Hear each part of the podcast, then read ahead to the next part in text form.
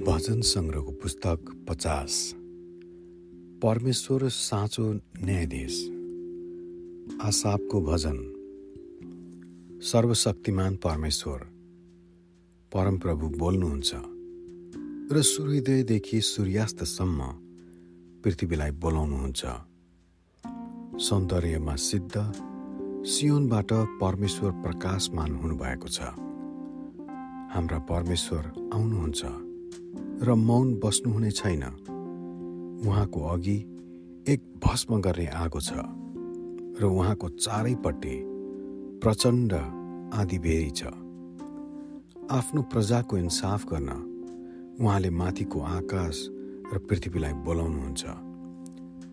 ममा समर्पित हुने अनि बलि चढाएर मसँग करार बाँध्ने मेरा भक्तजनहरूलाई म काम भेला गर।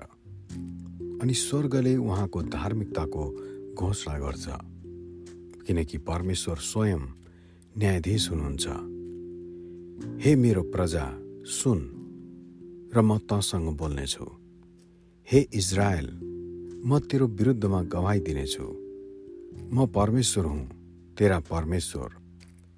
तेरा बलिदानहरूका लागि म तँलाई दोष दिन्न वा तेरा होम बलिहरूका लागि जो निरन्तर मेरो सामुन्ने छन्।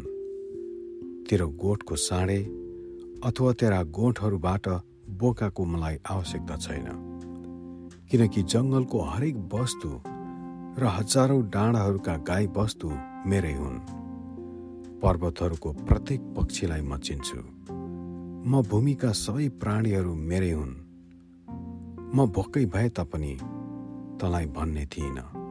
किनकि पृथ्वी र त्यसमा भएका यावत थोक मेरै हुन्।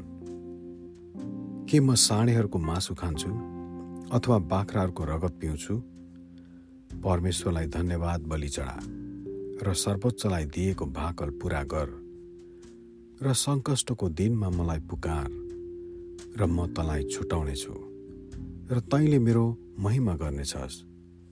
तर दुष्टलाई परमेश्वरले भन्नुहुन्छ मेरो व्यवस्था पाठ गर्ने तेरो के हक छ? वा तेरा ओठले मेरो करारको कुरा गर्ने तेरो के अधिकार छ? त मेरा शिक्षालाई घृणा गर्दछस् र मेरा वचनलाई लत्याउँछस्। चोरलाई भेट्दा त चोरकै साथी हुन्छस् अनि त बेविचारीहरूको सङ्गत गर्छस्। खराबी बोल्नलाई त आफ्नो मुख चलाउँछस् र तेरो जिब्रोलाई छली कुराको लागि काममा लगाउँछस्। त निरन्तर आफ्नै भाइको विरुद्धमा बोल्छस्। र तेरो साक्कै भाइको निन्दा गर्छस्। तैँले यी सब काम गरेको छस् र म चुप लागे।